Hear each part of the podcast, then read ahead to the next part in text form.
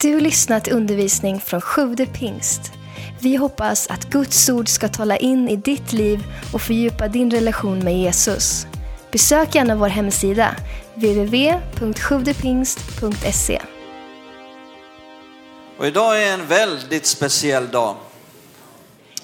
Att få fylla 50 år.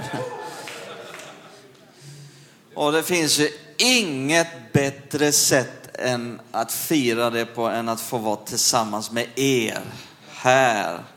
Fira gudstjänst och få predika Guds ord. Jag bara känner tack Gud att min 50-årsdag var på en söndag. Alltså det är Ja, det kunde ju ha varit vilken, en av sju liksom, och det bara hamna på en söndag. Jag bara, tack Gud, har du planerat det här långt i förväg? Att det skulle hamna just på en söndag, det är jag väldigt tacksam för. Och, och, och då, då, känner jag så här att eftersom man fyller 50 idag, då finns ju inget bättre att predika om än jubelåret. Det femtionde året som Bibeln talar väldigt speciellt om. Och det ska vi läsa i tredje Mosebok 25. Tredje Mosebok 25.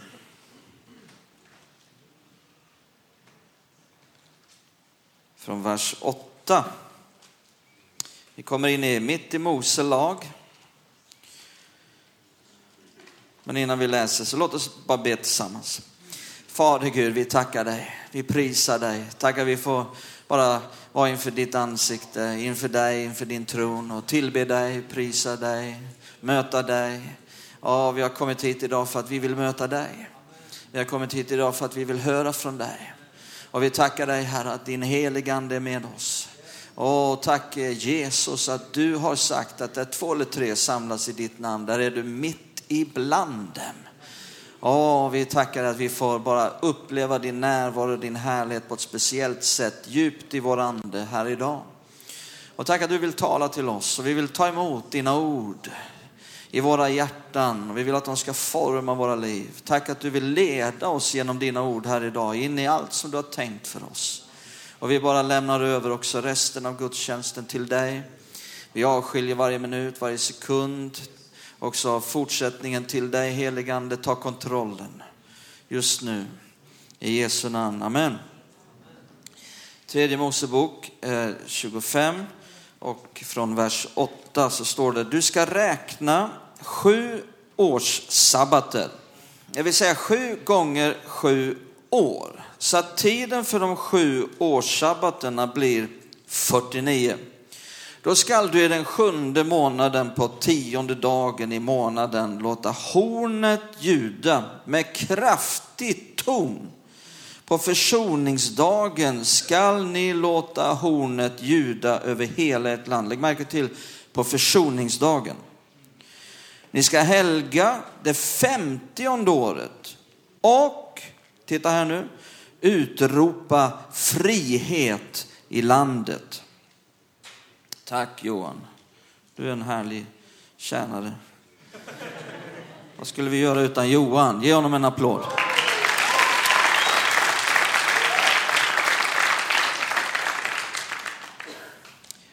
Och, och, och, ni ska helga det 50 året. Och står det utropa frihet i landet för alla.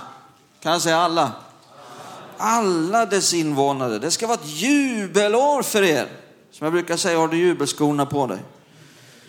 Var redo att jubla idag. Var och en av er ska då återvända till sin arvedel och var och en av er ska återvända till sin släkt. Ett jubelår ska det femtionde, detta femtionde år vara för er. Då ska ni inte så något och det som växer upp av spillsäden ska ni inte skörda. Och ni ska inte samla in druvorna från era oskurna vinstockar. Till det är ett jubelår, heligt ska det vara för er. Av markens egen avkastning ska ni få er föda. Under ett sådant jubelår ska var och en av er återvända till sin arvedel. Sen kan du fortsätta att läsa igenom resten av kapitlet om alla lagarna som skulle styra det här jubelåret. Eh, men vi ska inte ta tid med det, men gör det gärna, det är väldigt intressant. Så vad det handlar om då är att, att var sjunde år skulle vara ett sabbatsår. Sen när det hade gått sju sabbatsår, det vill säga 49 år, så skulle det komma ett extra sabbatsår. Det femtionde året. Ett, ett sabbatsårens sabbatsår.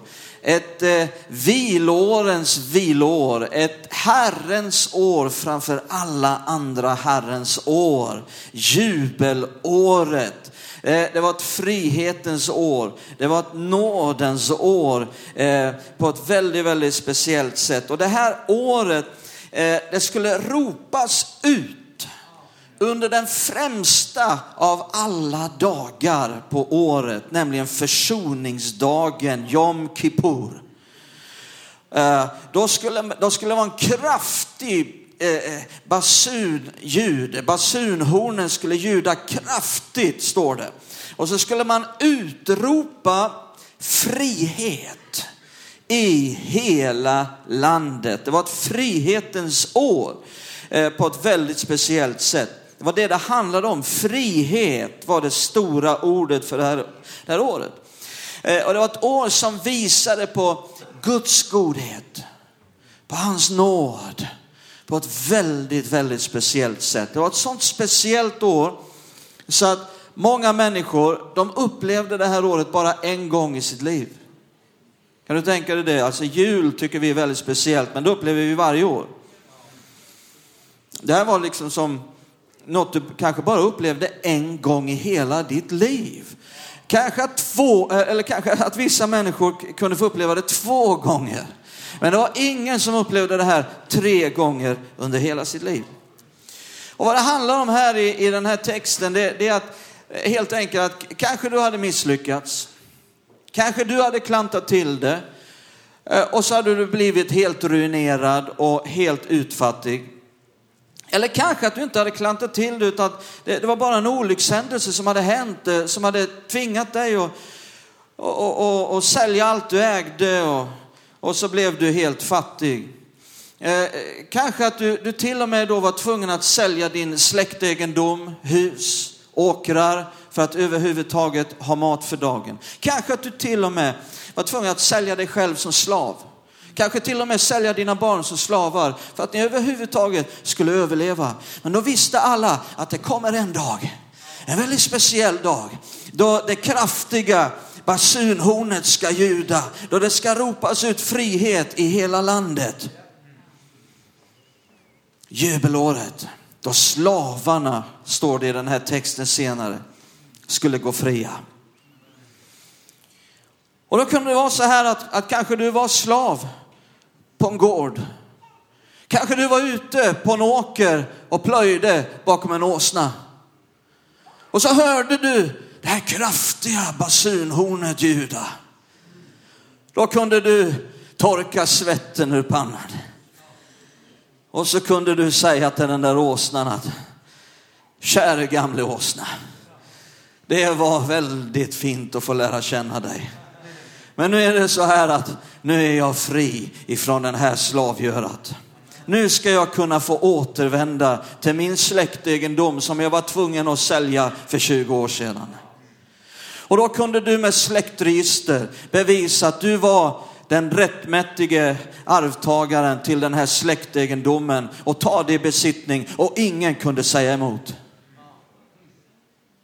Eh, och Bibeln, eh, eh, senare i texten här så står det talas om att om det fanns en återlösare, Bibeln kallar det för en återlösare, som kunde betala för detta, eller om du själv hade tillräckligt med pengar så att du kunde köpa det tillbaka och efter antalet år som hade gått så skulle man göra det.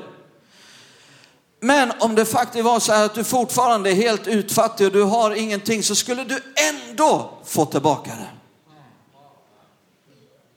Är inte det fantastiskt? Uh, och, och, och, och sen säger Bibeln då va, att i Hebreerbrevet 8, Hebreerbrevet 10, det står på sådana här ställen att, att det här som står i lagen, det är en skuggbild på det verkliga. En skuggbild på det verkliga. Eh, här, när jag står här nu så finns det en, en skugga av mig. Och på den här skuggan så kan du utläsa vissa saker. Jag sitter inte där och skrattar. Vad var det där för någonting? Va? På min 50-årsdag har jag inte räknat med att bli utskrattad här. Ni tänker, käre Gud, han behöver fasta i tre veckor.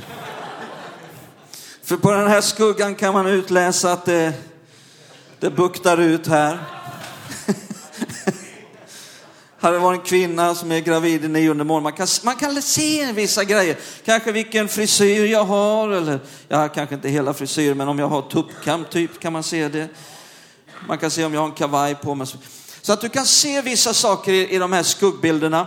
Eh, eh, men, och de är verkliga i sig, men de är också, pekar också på någonting annat som är verkligt. Och den här skuggbilden här, det här jubelåret, det pekar på det verkliga, den verkliga försoningsdagen.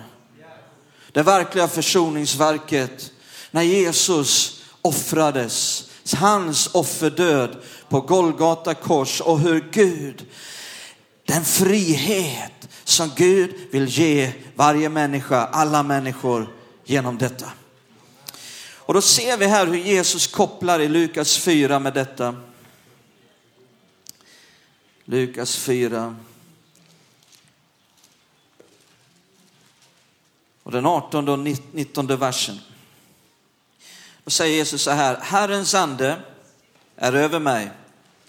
Ty han har smort mig till att predika glädjens budskap för de fattiga. Han har sänt mig för att ropa ut, vad då?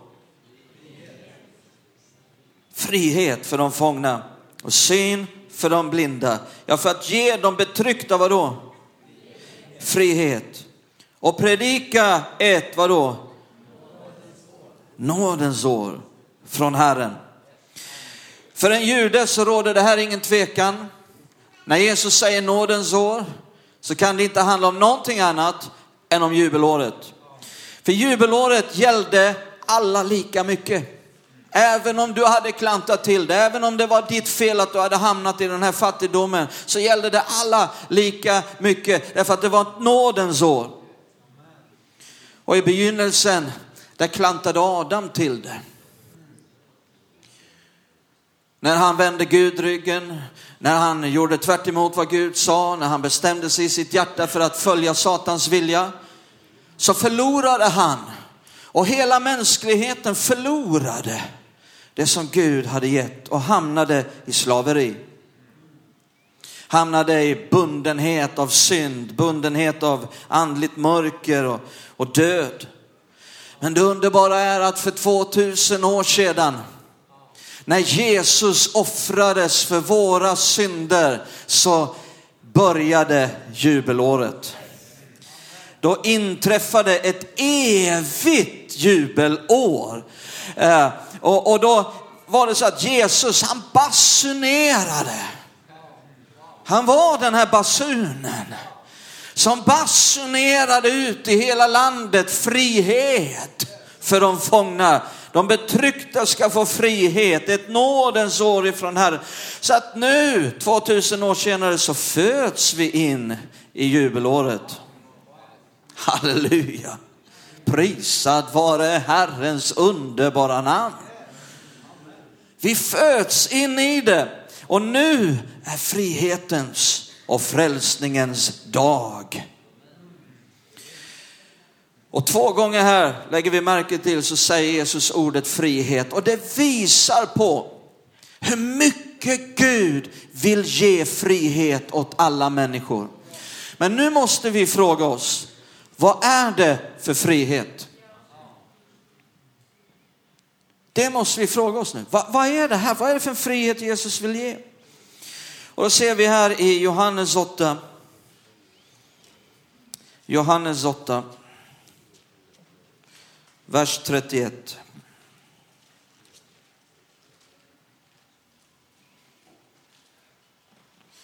”31, 32, 36 läser vi. Jesus sa till de judar som hade satt tro till honom.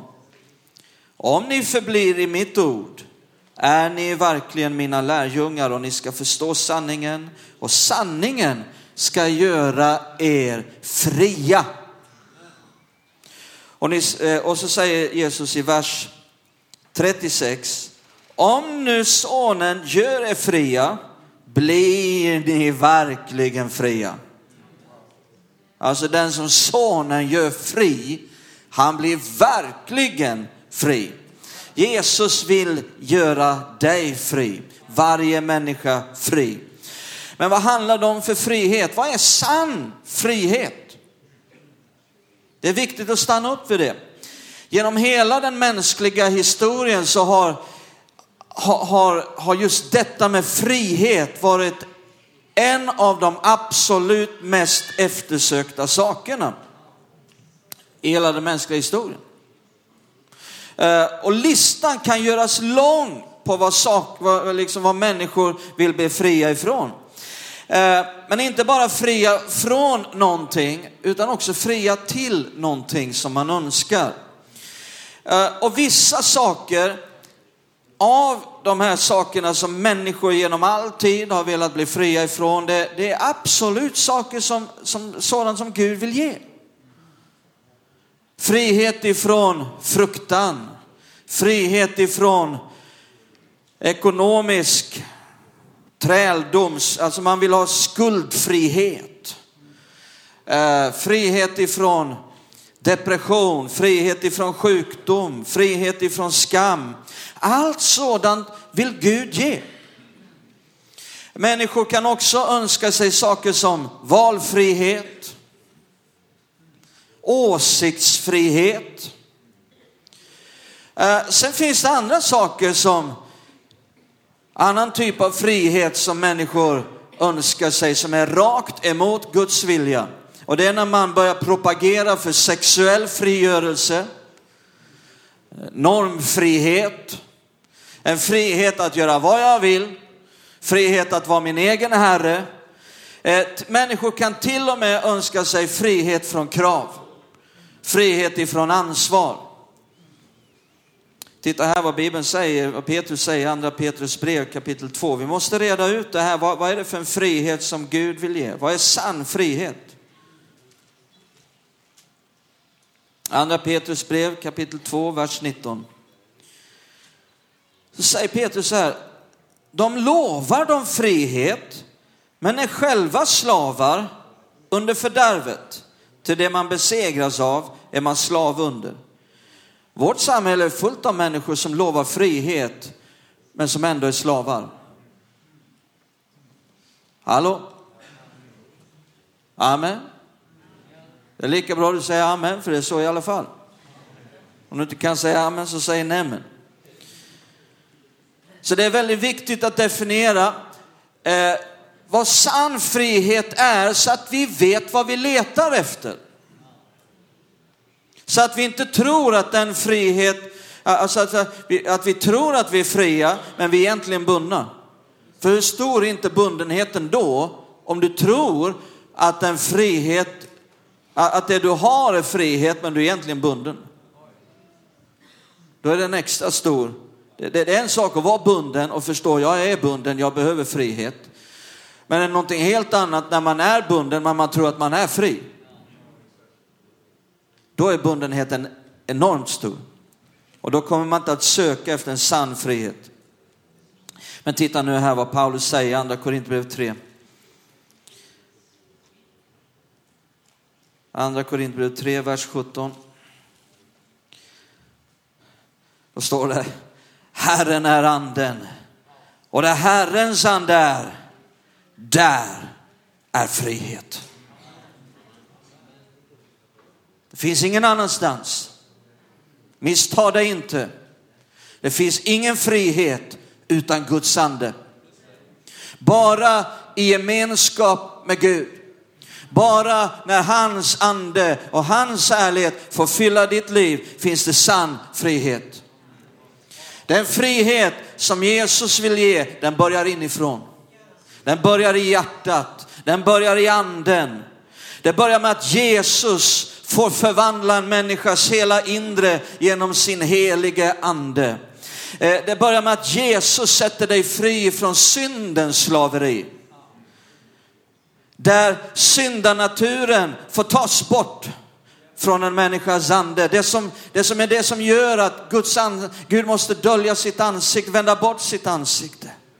Eh, det som gör att, att gemenskapen med Gud inte finns där. Att man istället i sitt inre får bli en ny skapelse.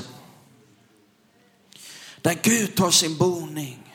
Och man blir också fylld av Guds ande, av Guds härlighet. Du vet, du kan till, du, du kan, det kan faktiskt vara så att du, du blir skuldfri. Människor önskar sig många saker som är helt, det, det, det är bra, det är gott och väl.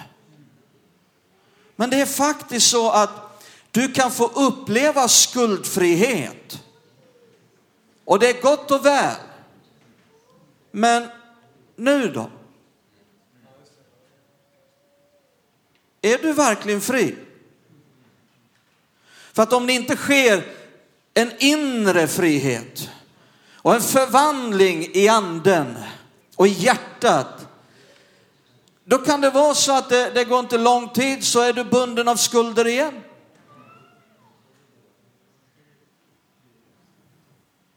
Och hur är det med den här valfriheten?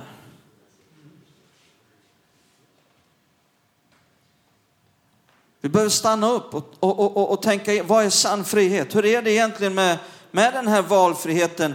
Är det sann frihet? Du kan ha det och leva i den här valfriheten och ändå vara hur bunden som helst. Du vet, du kan äga all yttre frihet och det är befogat, det är gott, men ändå vara bunden. Det finns faktiskt människor som lever i förhållanden där de har ingen valfrihet alls, men de är fria. Det finns människor som är sjuka, men de är mer fria än de som är friska. Det finns människor som lever i svår fattigdom, men som är mer fria än den som har överflöd. Vi måste förstå vad sann frihet är. Jesus vill ge yttre frihet, missförstå mig inte. Men den frihet Jesus vill ge, den börjar inifrån. Den börjar med en förvandling i anden, för annars kommer ingenting av det andra att vara någon frihet överhuvudtaget. Vi vill vara en kyrka som står med människor som har det svårt i det yttre. Vi vill vara en kyrka som står med den som har det svårt ekonomiskt. Vi vill vara en kyrka som vill stå med människor som lider av, av olika saker. Vi vill vara, vara, en, vara en kyrka som står med människor i deras svårigheter. Vi gör mycket för det. Eh, jag vet en gång, eh, vi, vi hjälper många och försöker hjälpa många som även söker uppehållstillstånd i Sverige. Jag har haft många samtal, har ofta samtal med människor som behöver uppehållstillstånd i Sverige. Och, och det är en stor nöd omkring det och vi delar det lidandet. Vi känner tyngden utav det. Och, och hela tiden, vi ser vad vi kan göra. Kan vi skriva någonting? Kan vi komma med ett intyg? Och regelbundet skriver jag intyg för att hjälpa på något sätt. Men jag vet en gång jag satt med ett par och, och pratade eh, och, och, deras stora önskan, vi, vi måste få uppehållstillstånd. Men då upplevde jag hur Herren ville att jag skulle säga till dem, vänta inte med att få uppehållstillstånd till dess ni blir fria. Du kan ha uppehållstillstånd och ha frihet att leva och bo var du vill och ändå vara bunden. Vänta inte med att någonting i det yttre ska ske innan du blir fri. Och ibland är det faktiskt så att man måste bli fri till det som man allra mest önskar i det yttre. Så att man söker det på rätt sätt. Så att det inte blir med nya, det, det, liksom, det jag söker först. Jesus sa sök först Guds rike. Vi talade om det här för ett par veckor sedan när vi talade om att kasta våra bekymmer på Herren. Och det finns andra saker, inte bara de här, detta, utan det finns andra saker som man så mycket önskar. Och Gud vill ge det. Men du kan vara fri. Du kan uppleva en frihet innan alla omständigheter i det yttre blir, blir bra. Därför att det handlar om en frihet i anden.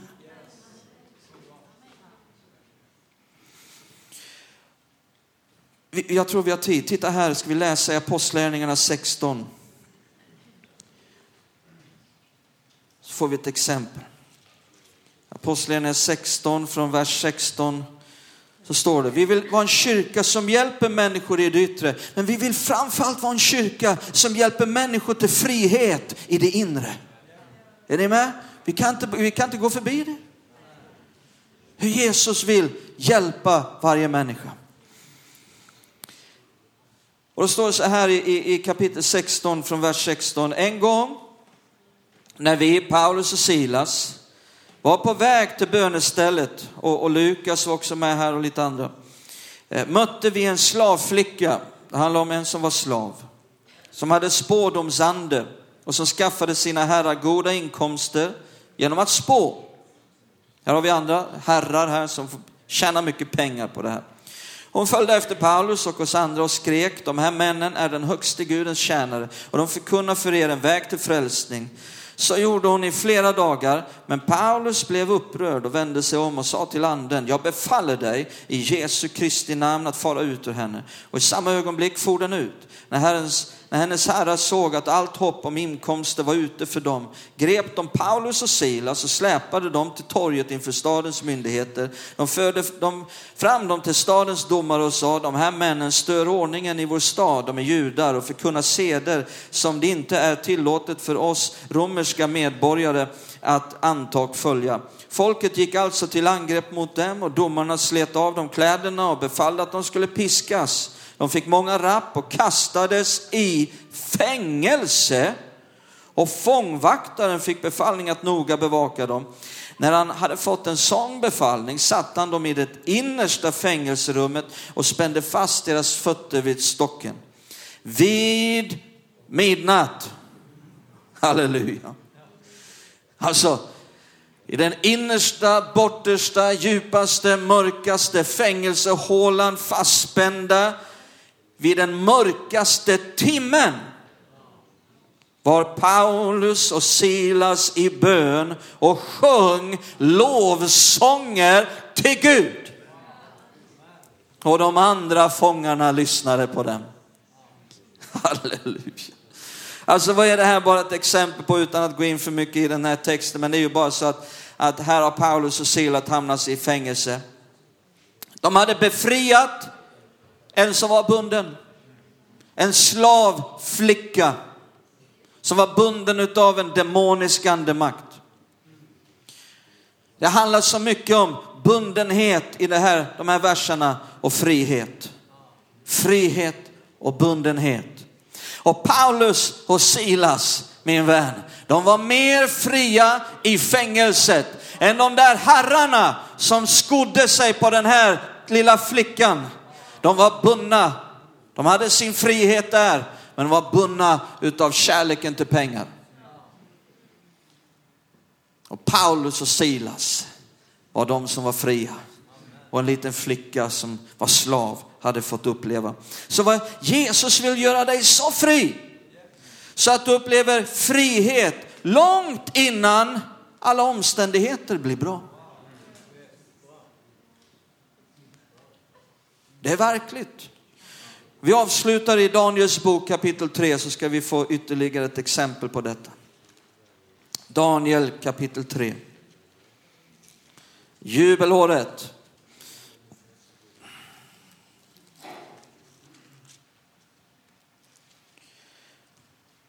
Vi läser Daniel 3 och eh, från vers 18.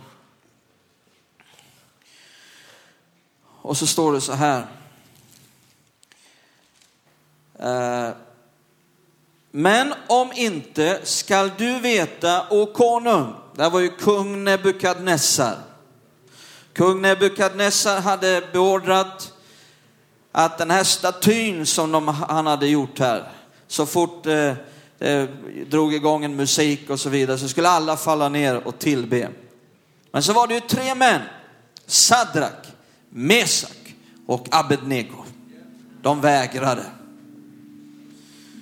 Och då ser vi vad som händer här.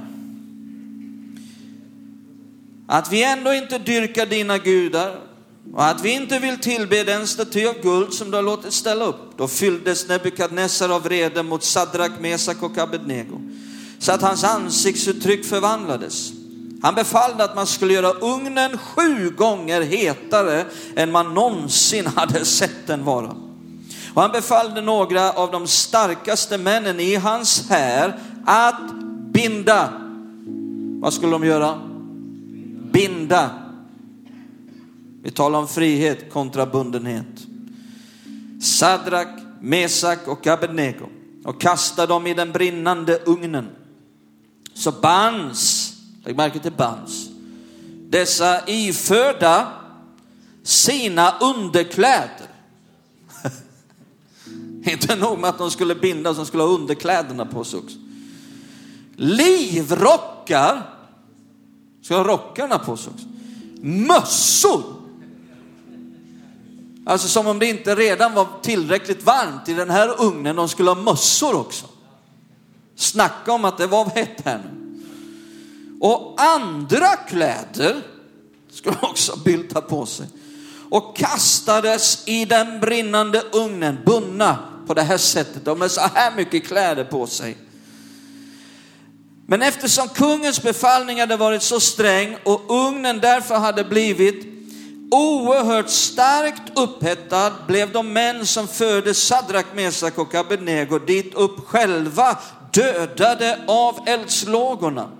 När de kastade de tre männen, Sadrak, Mesak och Abednego, bundna, bundna, bundna i den brinnande ugnen. Då blev kung Nebukadnessar förskräckt. Han steg hastigt upp och frågade sina rådsherrar. Var det inte tre män vi band? Vi band. Vi band dem. Var det inte tre män vi band och kastade i elden? Då svarade kungen, jo visst då konung. Då sa han, ändå ser jag nu fyra män som går, vadå? Vadå? Lösa! Hoho! Varför då? Därför att där Herrens ande är, där är frihet. Där Herrens ande är kan inte någon bundenhet finnas kvar. Där Herrens ande är, där rasar varje boja av. Där löses varje rep upp som smör i hett solsken. Det kan inte bestå, lika lite som det finns någon bundenhet i himlen. Lika lite finns det en bundenhet där Herrens ande är.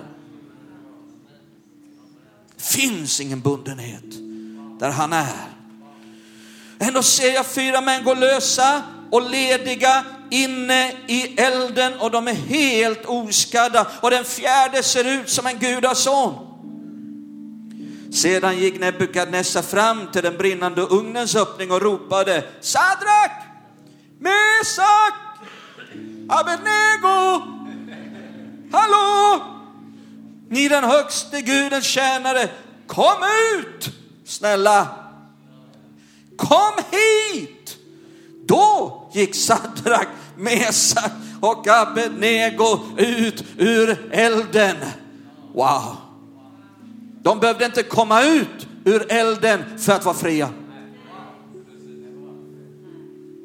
De var fria mitt i elden. Och på samma sätt min vän kan Jesus sätta dig så fri så att du är fri mitt i prövningen, mitt i det svåra, mitt när alla omständigheter är kaos runt omkring dig och ingen fattar hur kan han vara så lugn, hur kan han vara så glad, hur kan han vara så fri? Därför att det är att Jesus har satt dig fri. Halleluja! Det är den friheten vi talar om. Och när de kom ut så står det senare, de luktade på dem. De kunde inte ens känna lukten av rök. De kunde inte se någon svärta i ansiktet på dem. De kom ut ur prövningen likadana som de gick in. Åh, oh, halleluja. Det behövdes inte två år för dem att återhämta sig. De kom ut för Jesus hade satt dem fri. Ska vi stå upp tillsammans? Vi tackar dig Fader Gud. Tack för din nåd. Tack för din godhet. Vi klantade till dig Gud. Vi misslyckades. Var och en av oss. Jag misslyckades. Jag klantade till det. Jag hamnade i slaveriet. Men Gud, din nåd. Oh, vad du gjorde genom Jesus på korset. Där han tog min synd. Där han tog min förbannelse.